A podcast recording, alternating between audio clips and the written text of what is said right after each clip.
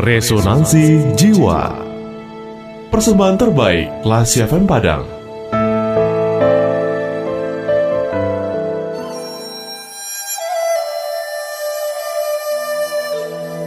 Dan semua akan selesai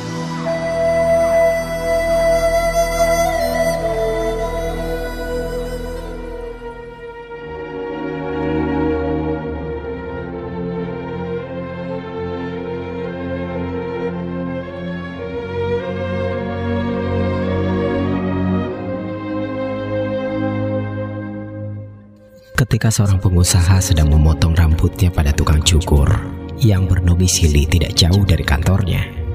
Mereka melihat ada seorang anak kecil berlari dan melompat-lompat di depan mereka. Dan tukang cukur itu sambil tersenyum berkata, "Oh, itu anak yang paling terbodoh di dunia, Pak." Pengusaha itu kemudian bertanya, "Apa iya?" Dengan penuh semangat, tukang cukur itu pun berkata, Mari saya buktikan. Lalu dia memanggil si anak yang menjadi objek perbincangan mereka tadi. Tukang cukur itu merogoh kantongnya dan mengeluarkan lembaran uang seribu rupiah sampai lima ratus rupiah. Lalu ia memanggil Bejo dan berkata, Jo, kamu boleh pilih sekarang dan boleh ambil salah satu dari uang ini. Terserah kamu mau pilih yang mana. Ayo, nih, diambil. Bejo juga melihat ke tangan tukang cukur di mana ada dua lembar uang seribu rupiah dan satu uang lima ratus rupiah. Lalu dengan cepat tangannya bergerak mengambil lembaran lima ratus rupiah. Tukang cukur dengan perasaan benar dan menang lalu berbalik kepada sang pengusaha dan berkata, Benar kan pak yang saya katakan tadi? Bejo itu memang anak terbodoh yang pernah saya temui. Sudah tidak terhitung berapa kali saya lakukan tes seperti itu dan ia selalu mengambil uang logam yang nilainya paling kecil. Setelah sang pengusaha sudah selesai memotong rambutnya, di tengah perjalanan pulang, dia bertemu dengan Bejo. Karena merasa penasaran dengan apa yang dia lihat sebelumnya, dia pun memanggil Bejo lalu bertanya, Jo, tadi sewaktu di tukang cukur, saya melihat ia menawarkan uang lembaran seribu rupiah dan lima ratus rupiah.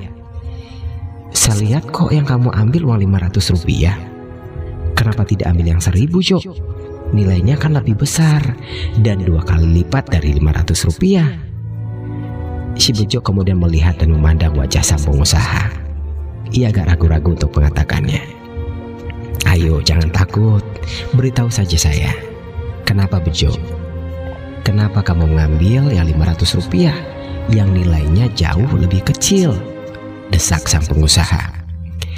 Akhirnya si Bejo pun berkata, kalau saya ambil 1000 rupiah, berarti permainannya akan selesai pak.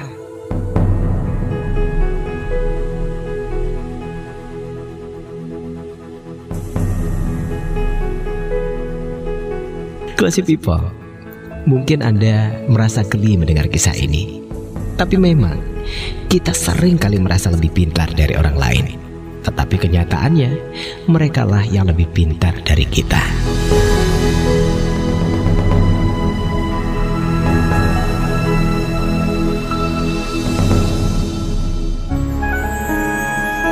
Baru saja Anda mencermati Resonansi Jiwa, persembahan terbaik Radio Kelas FM.